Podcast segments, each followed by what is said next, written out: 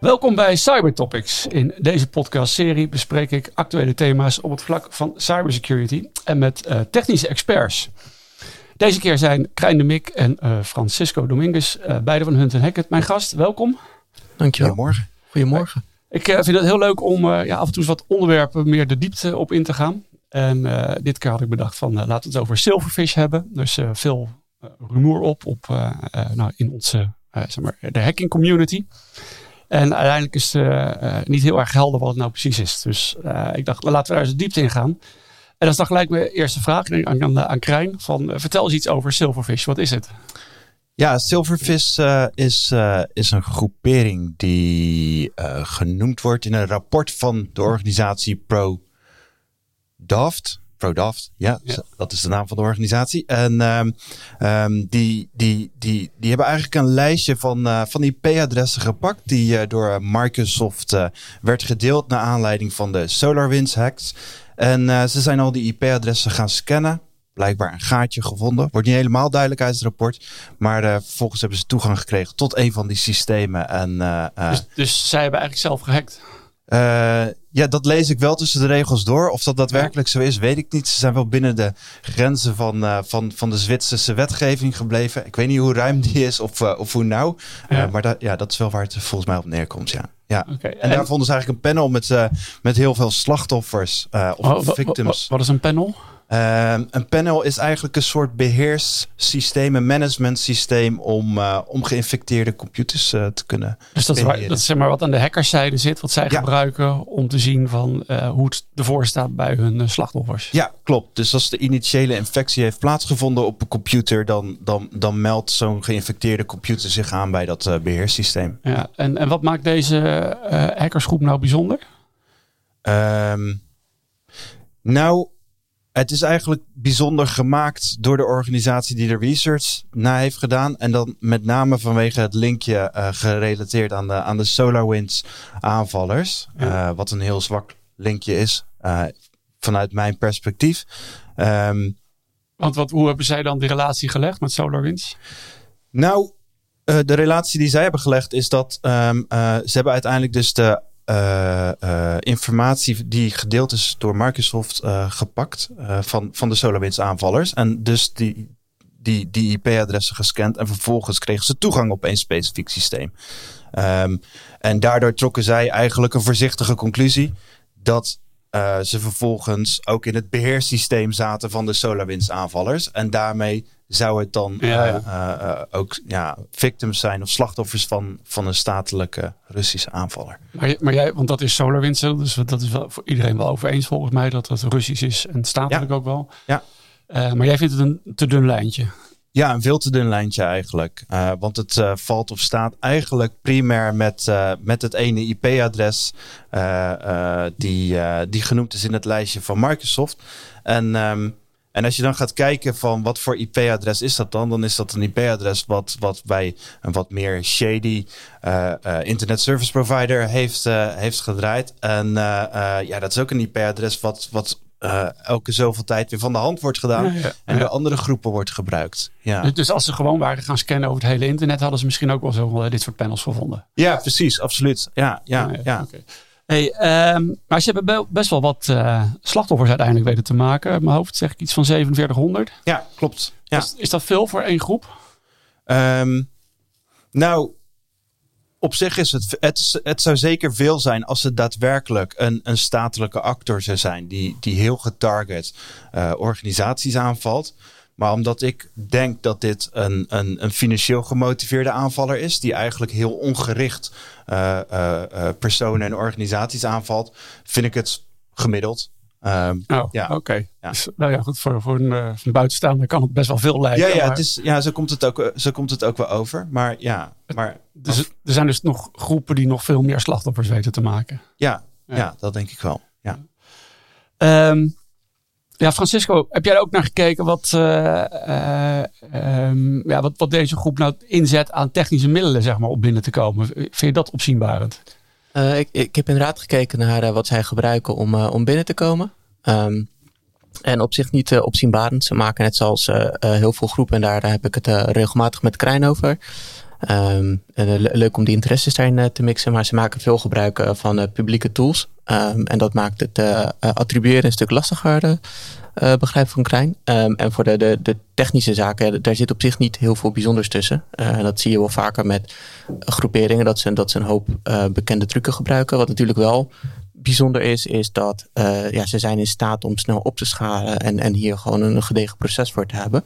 Uh, waardoor ze eigenlijk vrij professioneel heel veel slachtoffer heel snel, uh, ja, om het zo maar heel bot te zeggen, kunnen afwerken. Ja, dus er zit, ja, het is een gewoon goed georganiseerde machine.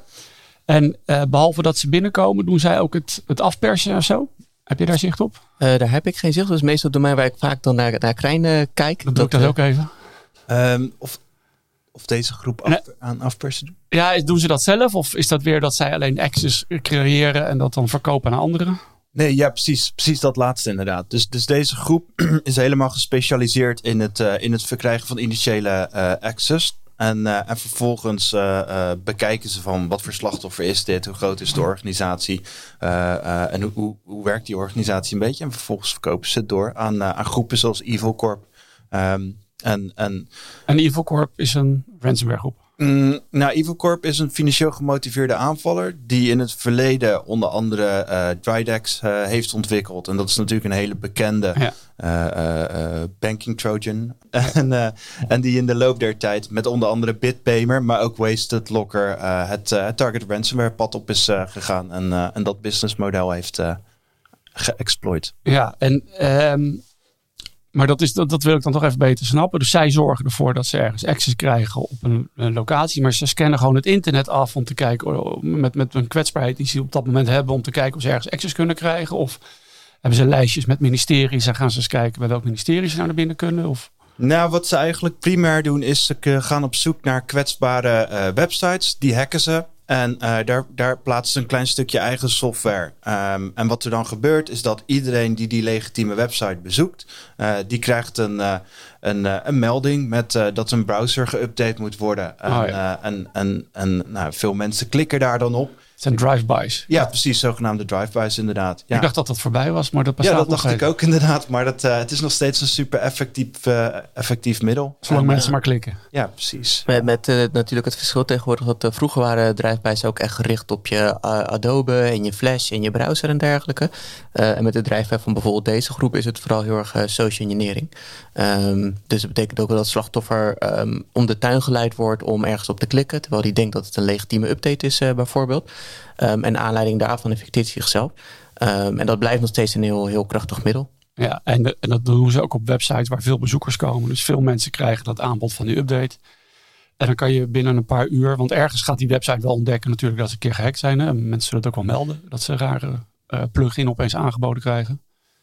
Uh, ja, nou ik weet niet hoe lang die, hoe, hoe lang het onopgemerkt blijft bij dat soort websites. Um, wat ze wel doen is, uh, dat heb ik in het verleden was gezien bij deze specifieke groep, dat ze dan um, uh, een, een subdomeintje aanmaken van het hoofddomein.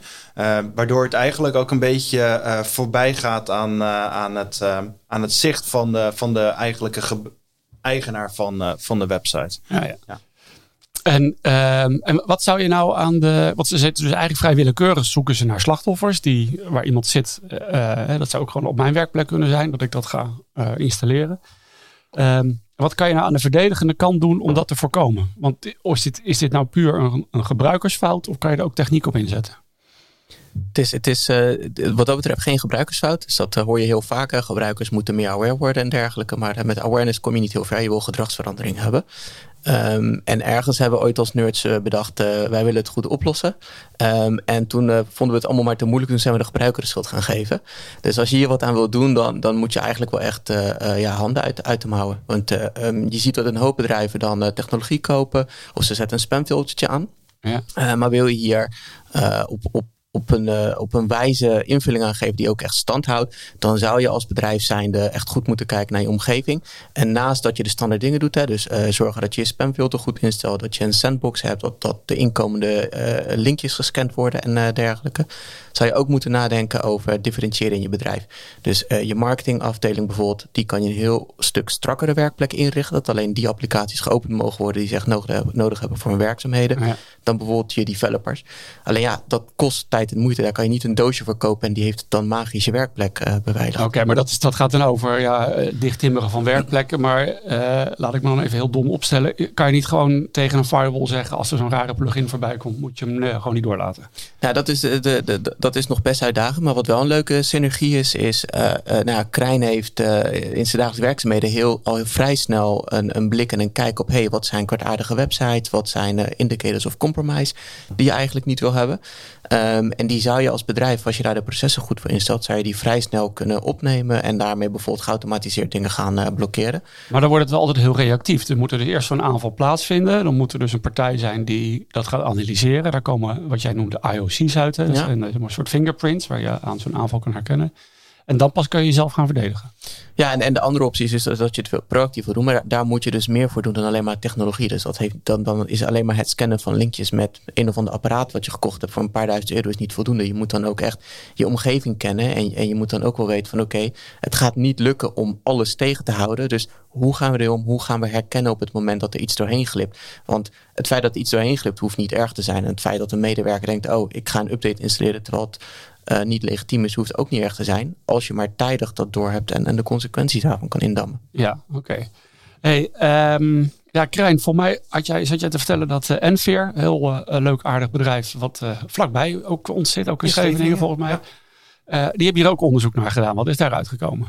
Ja, klopt. Um, die, die, die hebben bij een van de slachtoffers Misschien zijn ze zelfs nog wel bezig, maar daar hebben ze in ieder geval uh, initieel onderzoek gedaan. En daar kwamen ook een aantal um, indicators of compromise uit, uh, die, die, uh, die je kunt gebruiken voor, voor, voor zelf intern onderzoek doen. En dat waren een aantal Nederlandse domeinnamen die gebruikt werden door deze groep om, om ook weer zo'n fake browser update te pushen. En, en even kijken, ze gebruiken dus Nederlandse domeinnamen. Dat is zodat het niet opvalt of zo. Dat verkeer, dat vinden we legitiemer dan als het uit met een .com uh, domein is of zo? Ja, ja, ik denk dat het, uh, ik, ja, dat, dat denk ik inderdaad. Dus het is echt zeg maar om, uh, om, om een beetje legitiem over te komen. En het, dus, dus deze waarschijnlijk toch Russische groep, komen we straks misschien nog even op. Ja. die gaat dus op zoek naar domeinnamen in Nederland die vrij zijn, die lekker Nederlands zou klinken. Want, ja, zoals onderzoekers.nl en laboratorium.nl. Uh, dat is in ieder geval wat ik begrijp uit, uh, uit de publicatie is van bijzonder, uh, Is het toch bijzonder dat die domeinen nog vrij waren, laboratorium.nl? Ja, je zou denken dat, dat er meerdere instituten zijn in Nederland die gebruik zouden willen maken van dat domein inderdaad. Ja. ja. ja. Of hebben ze daar misschien ook weer zitten hacken? Dat ze dat is wel een hele spannende gedachte overigens. Dat, uh, maar oh ja, ja, ja, nee, geen idee. Ik heb, ik heb er niet verder naar gekeken. Maar okay. het, is wel een, uh, het is wel een interessante gedachte die ik, uh, die straks nog eens even uit ga lopen. Ja. En, en zij hadden dus, maar, maar ik onderbrak je, dus maak even je verhaal af. Iets met die zipjes.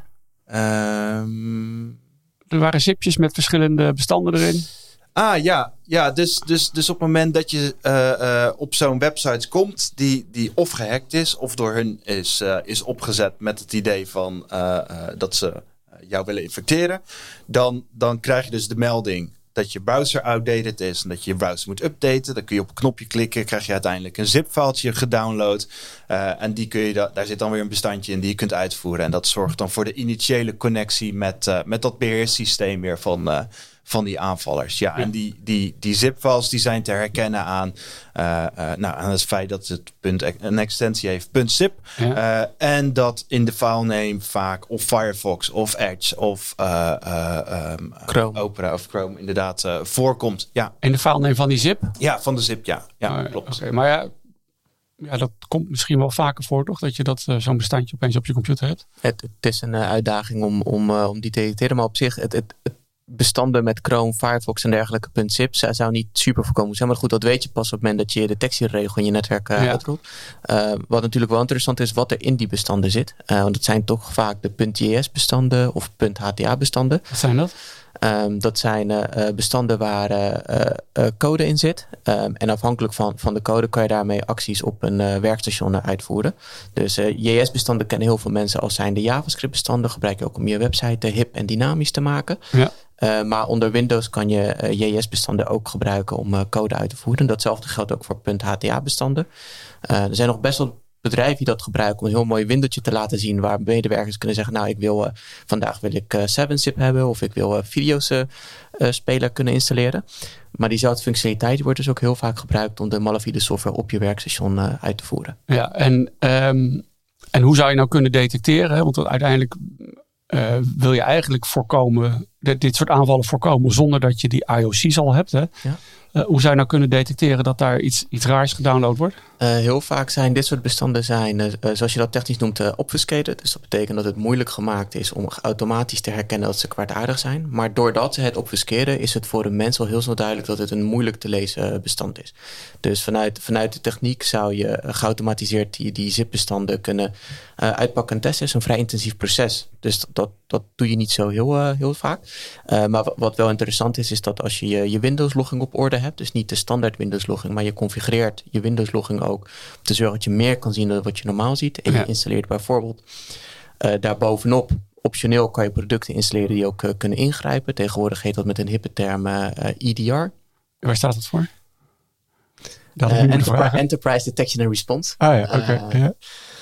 Um, dan kan je ook daadwerkelijk ingrijpen. En dan ga je dus aan de slag met het veld wat tegenwoordig uh, detection engineering wordt genoemd. En dat betekent dat je uh, uh, signatures kan maken. En, en, signatures wordt heel vaak als iets slechts gezien. er wordt heel vaak gezegd, ja, maar dat is ouderwet. Um, maar ik gebruik het vaak als een verzamelwoord voor alles waar, waar, je, maar, waar je detectie mee kan plegen. Dus dat ja. betekent dat je enerzijds kan je detecteren op, op stukjes tekst. Hè, dus dat, dat is de ouderwetse signature. maar je kan ook behavior of gedragsregels maken. En een gedragsregel is bijvoorbeeld bijvoorbeeld. sorry. Uh, is bijvoorbeeld, nou, een bestand is gedownload. Je weet dat het van het internet afkomt. Daar wordt iets uitgepakt. En als datgene wat uitgepakt wordt, uitgevoerd wordt. en meteen met het internet probeert te verbinden. dat is gedrag wat heel vaak bij uh, malafide software zou kunnen oh, ja. worden. Het kan nog steeds voor false positives uh, zorgen. Hè. Dus dat betekent dat je nog steeds mensen nodig hebt die er naar kijken. maar dat is een regel die een stuk weerbaarder is tegen aanvallers die de teksten transformeren of omvormen om, om het niet te laten detecteren. Ja, en, en die EDR-tools die dan op iedereen's werkplek draaien. Uh, die zijn ook zelf in staat om te zien dat dat iets bijzonders is. Dus dat het zich uitpakt en gelijk gaat verbinden met het internet. Ja, ja je ziet, en, en daar zie je dus weer de, de, de, de, de asymmetrie tussen verdedigers en aanvallers komen. Je ziet dat die EDR-tools een hoop threat intelligence uh, binnenslurpen en, en het er gewoon op loslaten. En daar krijg je een hoop vastposten mee. Dus daar zit nog wel een hoop werk in. En dat is ook een van de dingen waar we met Hunt Hackett uh, mee bezig zijn bij, uh, bij klanten. Om dat uh, te tunen. Dus dat betekent dat je ze moet instellen. Dat je moet gaan uitzoeken, oké, wat is een vals post? Wanneer levert te veel alerts op? Wanneer levert te weinig alerts op? Um, en als je dat dus op die manier gaat inregelen, dan wordt op den duur wordt signal-to-noise ratio. Dus dat betekent uh, hoeveel alerts krijg je binnen en hoeveel daarvan zijn ook relevant. Dat wordt uh, behapbaar. Ja. Uh, en dan kan je daadwerkelijk gaan optreden. En dan kan je waar, waar wij naar streven en, en wat altijd een, een leuke uitdaging is intern in, in brainstorm sessies met Krijn en andere collega's. Dan kan je echt gaan nadenken hoe kunnen wij als verdedigers dezelfde snelheid opereren als de aanvallers. Dus traditioneel gezien gebeurt er iets, kijkt er een mens naar en dan ga je de klant bij en dan ben je al snel een uur verder. Um, en waar wij nu heel erg naartoe aan het, uh, aan het werken zijn, is uh, er gebeurt iets en geautomatiseerd wordt erop gereageerd. Want waarom zou je daar nou een vertraging in willen hebben? Dat zijn die uh, playbooks waar ik u zelf over hoort praten. Dat zijn inderdaad de playbooks waar je ons een hoop over hoort praten en, en flink schelden als het niet meewerkt. En, en, maar uiteindelijk, het is dus niet zo dat je zo'n tool installeert, zoals vroeger antivirus. Dat zet je neer en daarmee, nou, dat zet je aan. En dat merk je eigenlijk niet en dat houdt van allerlei dingen tegen. Zo simpel is het niet. Nee, nee, dus ze houden nog steeds een hoop tegen, hè, die tools. Dus uh, de, de IOC's waar, waar Krijn het over heeft en de, TI-wereld die een hoop nuttige informatie genereert. Er zitten nog steeds een hoop slimmigheden die een hoop um, ja, standaard malware en standaard zaken tegenhoudt. Uh, maar je ziet uh, dat deze groeperingen, um, misschien is dit heel arrogant hoor, maar dat deze groeperingen het kielzog van, van de, de top red teams opereren. Um, en je ziet dat ze daardoor, nou, het, het vrij eenvoudig is voor hun om een stap voor te blijven op je antivirus. Dus als zo'n groepering aan de slag gaat, dan treedt je antivirus pas op nadat uh, mensen zoals kleine werk gedaan hebben en hoop bekend is. Uh, maar de eerste paar infecties en de eerste paar slachtoffers, uh, die, die, zijn daarmee niet weer. Maar die moeten het echt hebben van een stuk slimmer omgaan met een beveiliging. En niet alleen maar geld uitgeven, maar vooral ook kennis in huis halen. Dus of daar zelf kennis in opdoen, of met partijen samenwerken. Maar je moet inderdaad, wat jij zegt, je moet met je handen aan die tool zitten en je moet ze configureren en je moet ze begrijpen. Uh, want anders heb je een hoop geld uh, gebruikt wat je ook net zo goed voor een mooie vakantie had kunnen inzetten. Ja, oké. Hey, in, in dat kat-en-muisspel, hè, wat, wat, wat is het dus uiteindelijk? Um, dan zie je dat deze groep had ook iets bijzonders gedaan. Die had een eigen Virus Total uh, straatje gemaakt, volgens mij. Ja, klopt ja. ja, ja. Had ik overigens nog niet eerder gehoord. Um, ik weet wel dat, dat, dat dit soort groepen vaak hun eigen tools even testen om te kijken van welke beveiligingsbedrijven pikken dit nu op en, en, en moeten we het misschien een beetje fine-tunen en verbeteren aan de detectiekant. Maar in dit geval dus inderdaad een, uh, hun eigen detectiestraatje gemaakt. Dus gebruikten eigenlijk de computers van slachtoffers om nieuwe software van hun te testen en te kijken in welke mate het gedetecteerd uh, werd. En uh, daar hielden ze ook mooie matrices. Uh, Want, want, ze gingen gewoon kijken, deze, dit, dit slachtoffer dat gebruikt McAfee, die gebruikt de IZ. Ja, en, en uh, CrowdStrike en welke van pikt het op, blokkeert het. En, of, of welke pikt het op en, en, en, en, detecteert het alleen, maar doet er voor de rest niks mee. Um, en, en daar houden ze gewoon mooie overzichten van bij om te kijken van ja, waar, waar, waar, kunnen we het wel uitrollen, waar niet en waar moet het gefine-tuned worden. Ja. ja. Dat is een agile ontwikkelproces had ik als uh, red team vroeger ook wel willen hebben. Dat uh, is een stuk makkelijker geweest om uh, onze aanval ondetecteerbaar te maken. Ja, dat je al bij de klant binnen zat. Ja, ja, ja oké. maar dat, het idee van red team is juist dat je eerst naar binnen wilt, toch? Ja, ja maar zo'n antivirus, hè, zo'n zo ah, omgeving waarbij je kan testen van wordt het gezien en, wanneer wordt het niet gezien. Dat zou wel heel fijn geweest zijn. Want het kost altijd heel veel moeite om zelf dat soort omgeving op te zetten. Ja, oké. Um, hoeveel slachtoffers hebben we hier nu in Nederland van Silverfish? Um, volgens het rapport van ProDeft is dat 261 in verschillende sectoren. Ja. Oké, en die konden dat dus precies zien omdat ze mee konden kijken zeg maar, op de servers van, uh, van, die, uh, van die groep Silverfish? Ja, in dat beheersysteem wordt het ook als zodanig gelabeld. Dus, uh, dus vervolgens kun je relatief makkelijk filteren op, op het specifieke land. Ja. Dat is ideaal. En die, die slachtoffers hier in Nederland, die weten nu ook dat zij gepakt waren? Uh, ja, als het goed is wel. Um, um, uh, ProDev heeft ook contact gezocht met allerlei nationale certs. Die, het is vrij ondoenlijk om al, de, al, al die bedrijven zelf uh, te gaan, gaan contacten. dus, dus ook in Nederland hebben ze zeer waarschijnlijk contact gehad met het NCSC. en zorg, zorgcert, zorgcert in ieder geval heb ik, heb ik begrepen. Ja. En, en die hebben dan op hun beurt weer slachtoffers. Ja, ik vond het interessant in de voorbereiding van, van, deze opname zat ik nog even te zoeken wat NCC nou over Silverfish zegt. Maar die zegt niks. Maar ZCert heeft er wel een berichtje over staan. Ja. Ja. Waar, ik uit kon afleiden dat ze inderdaad daar mee bezig zijn. Maar uh, we denken dat NCSC dat ook wel doet, toch? Ja, daar ga ik wel vanuit, ja. Ja, oké. Okay. Uh, Krijn, de, deze groep is dus bezig om access te krijgen. Die willen gewoon naar binnen. En als ze één keer in een netwerk zitten, kunnen ze er alles mee. En dat verkopen ze. wat voor soort andere partijen zitten daar dan achter die dat dan weer afnemen? Ja, ja, elk van die groepen die heeft ook weer gewoon zijn eigen rol in het, uh, in het criminele ecosysteem. En deze zijn dan gespecialiseerd in het uh, verkrijgen van initiële access bij bedrijven. En uh, na het verkrijgen van die initiële access beoordelen ze eigenlijk wat voor bedrijven hebben nu eigenlijk gecompromised en daarna verkopen ze het door.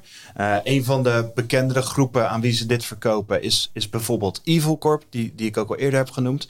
Um, en Evil Corp uh, um, uh, gaat dan vervolgens verder lateral movement doen. Dus door het netwerk bewegen zorgen dat ze uh, volledig uh, alle nou, de hoogste privileges krijgen in zo'n domein, in zo'n infrastructuur.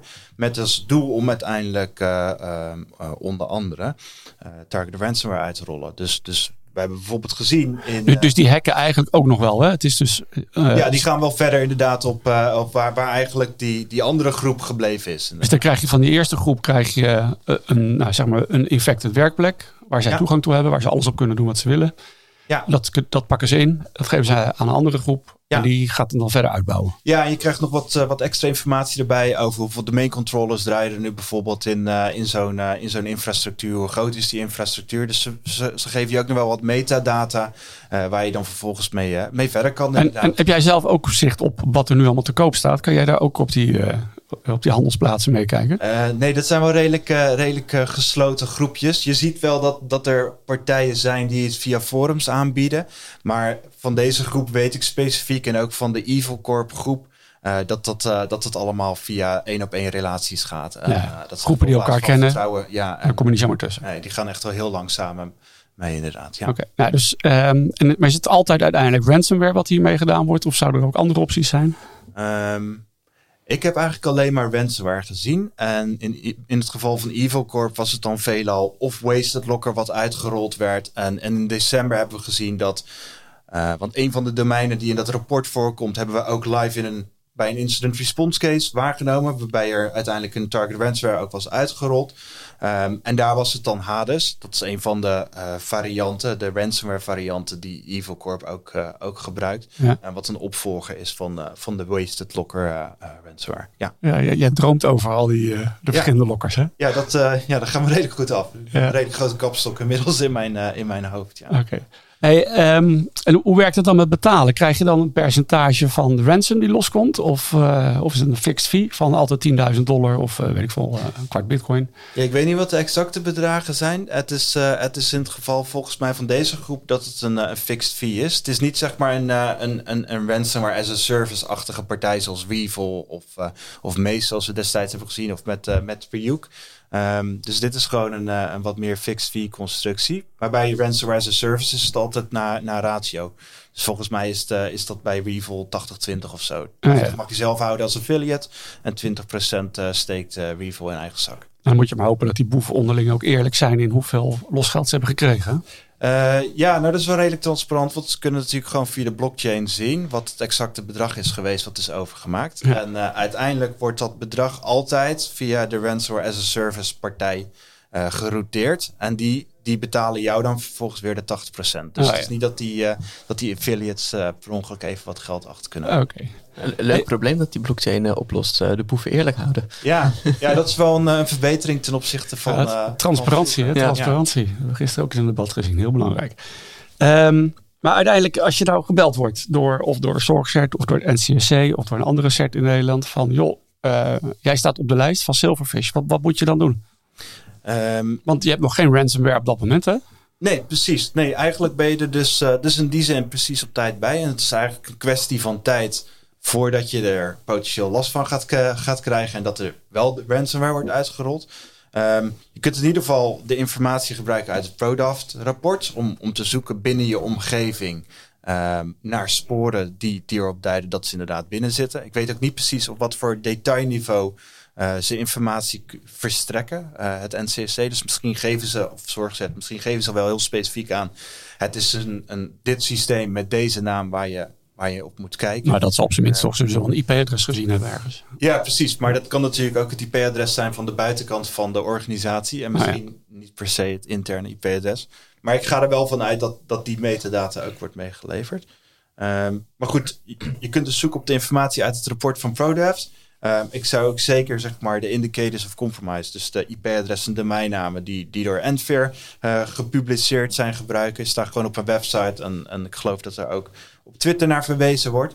Uh, maar daar zou ik denk ik beginnen. Ja, ja oké, okay, maar um, ik denk niet dat een willekeurige organisatie in staat is om op alle werkplekken te checken of daar dat bepaalde zipje voorkomt. Nee. Nee, nee, dat, dat, dat hebben we inderdaad bij de laatste paar instant responses die we, die we gedraaid hebben, dat inderdaad wel gezien. Dat het nog steeds bij uh, uh, bedrijven uh, niet op orde is met voldoende informatie voorhanden hebben om onderzoek te kunnen doen. Dus Um, we begrijpen, of uh, als Krijn en ik uh, eens een keer weer uh, op, op, de late middag aan het bijkletsen zijn, dan, dan begrijpen we best wel dat bedrijven niet altijd de resources hebben om te zeggen, nou, we, gaan hier een heel sok opbouwen bijvoorbeeld. maar het minimale wat je als bedrijf zou moeten hebben, is dat, dat je Windows-omgeving goed logt en dat bijvoorbeeld al je uitgaande inkomende verbindingen, dat je die op een manier logt. Of je dat met een proxy of iets anders doet, maakt niet zo heel uit. Want precies voor dit soort gevallen wil je dus eigenlijk teruggaan in de tijd, om het zo maar te zeggen. En, en als het maar een maand is, is dat beter dan, dan niks. En dan wil je kijken, uh, komen de IP-adressen erin voor? Hebben we de website bezoekt? Of bezocht, sorry. Um, en ook simpele dingen in, het, in, die, uh, in de rapporten staat genoemd dat ze gebruik maken van zip-files uh, en dergelijke. Dus je wil ook kijken wat is allemaal gedownload door de medewerkers. En zit daar misschien dat, dat zo'n zip-file tussen dat erop lijkt. Ja, en, uh, en dat zijn nog niet eens hele. dat, de Windows heb je al. Hè, dus dat is alleen maar vinkjes zetten. Zorgen dat die logs ja. ook goed zijn. Want standaard ja. staat het allemaal niet aan, denk ik. Ja, ja, want als, als security expert willen we altijd de, de perfecte omgeving bij klanten hebben. Dus dan zeggen we, ja, je moet alles centraliseren en, en alles moet super top. Maar het, het zou al heel fijn zijn als bedrijven beginnen met in ieder geval de, de juiste configuratiesettings in een Windows-omgeving aanzetten. Dat het dan niet gecentraliseerd is en dat dat niet best practice is. Prima, maar dan kan je in ieder geval per PC op, in een worst case, dan kun je in ieder geval onderzoek doen en informatie verzamelen. Ja, Maar goed, maar nu heb je dus nog steeds bedrijven die dat allemaal niet aan hebben aangezet. En die krijgen wel een belletje van toch wel een belangrijke instantie van, uh, nou, jij bent de Sjaak, binnenkort dan werkt niks meer bij je. Ja, uh, als je het zelf niet, niet, niet kan en niet opgelost uh, krijgt, dan, dan moet je denk ik hulp inroepen van een externe partij. Okay, ja.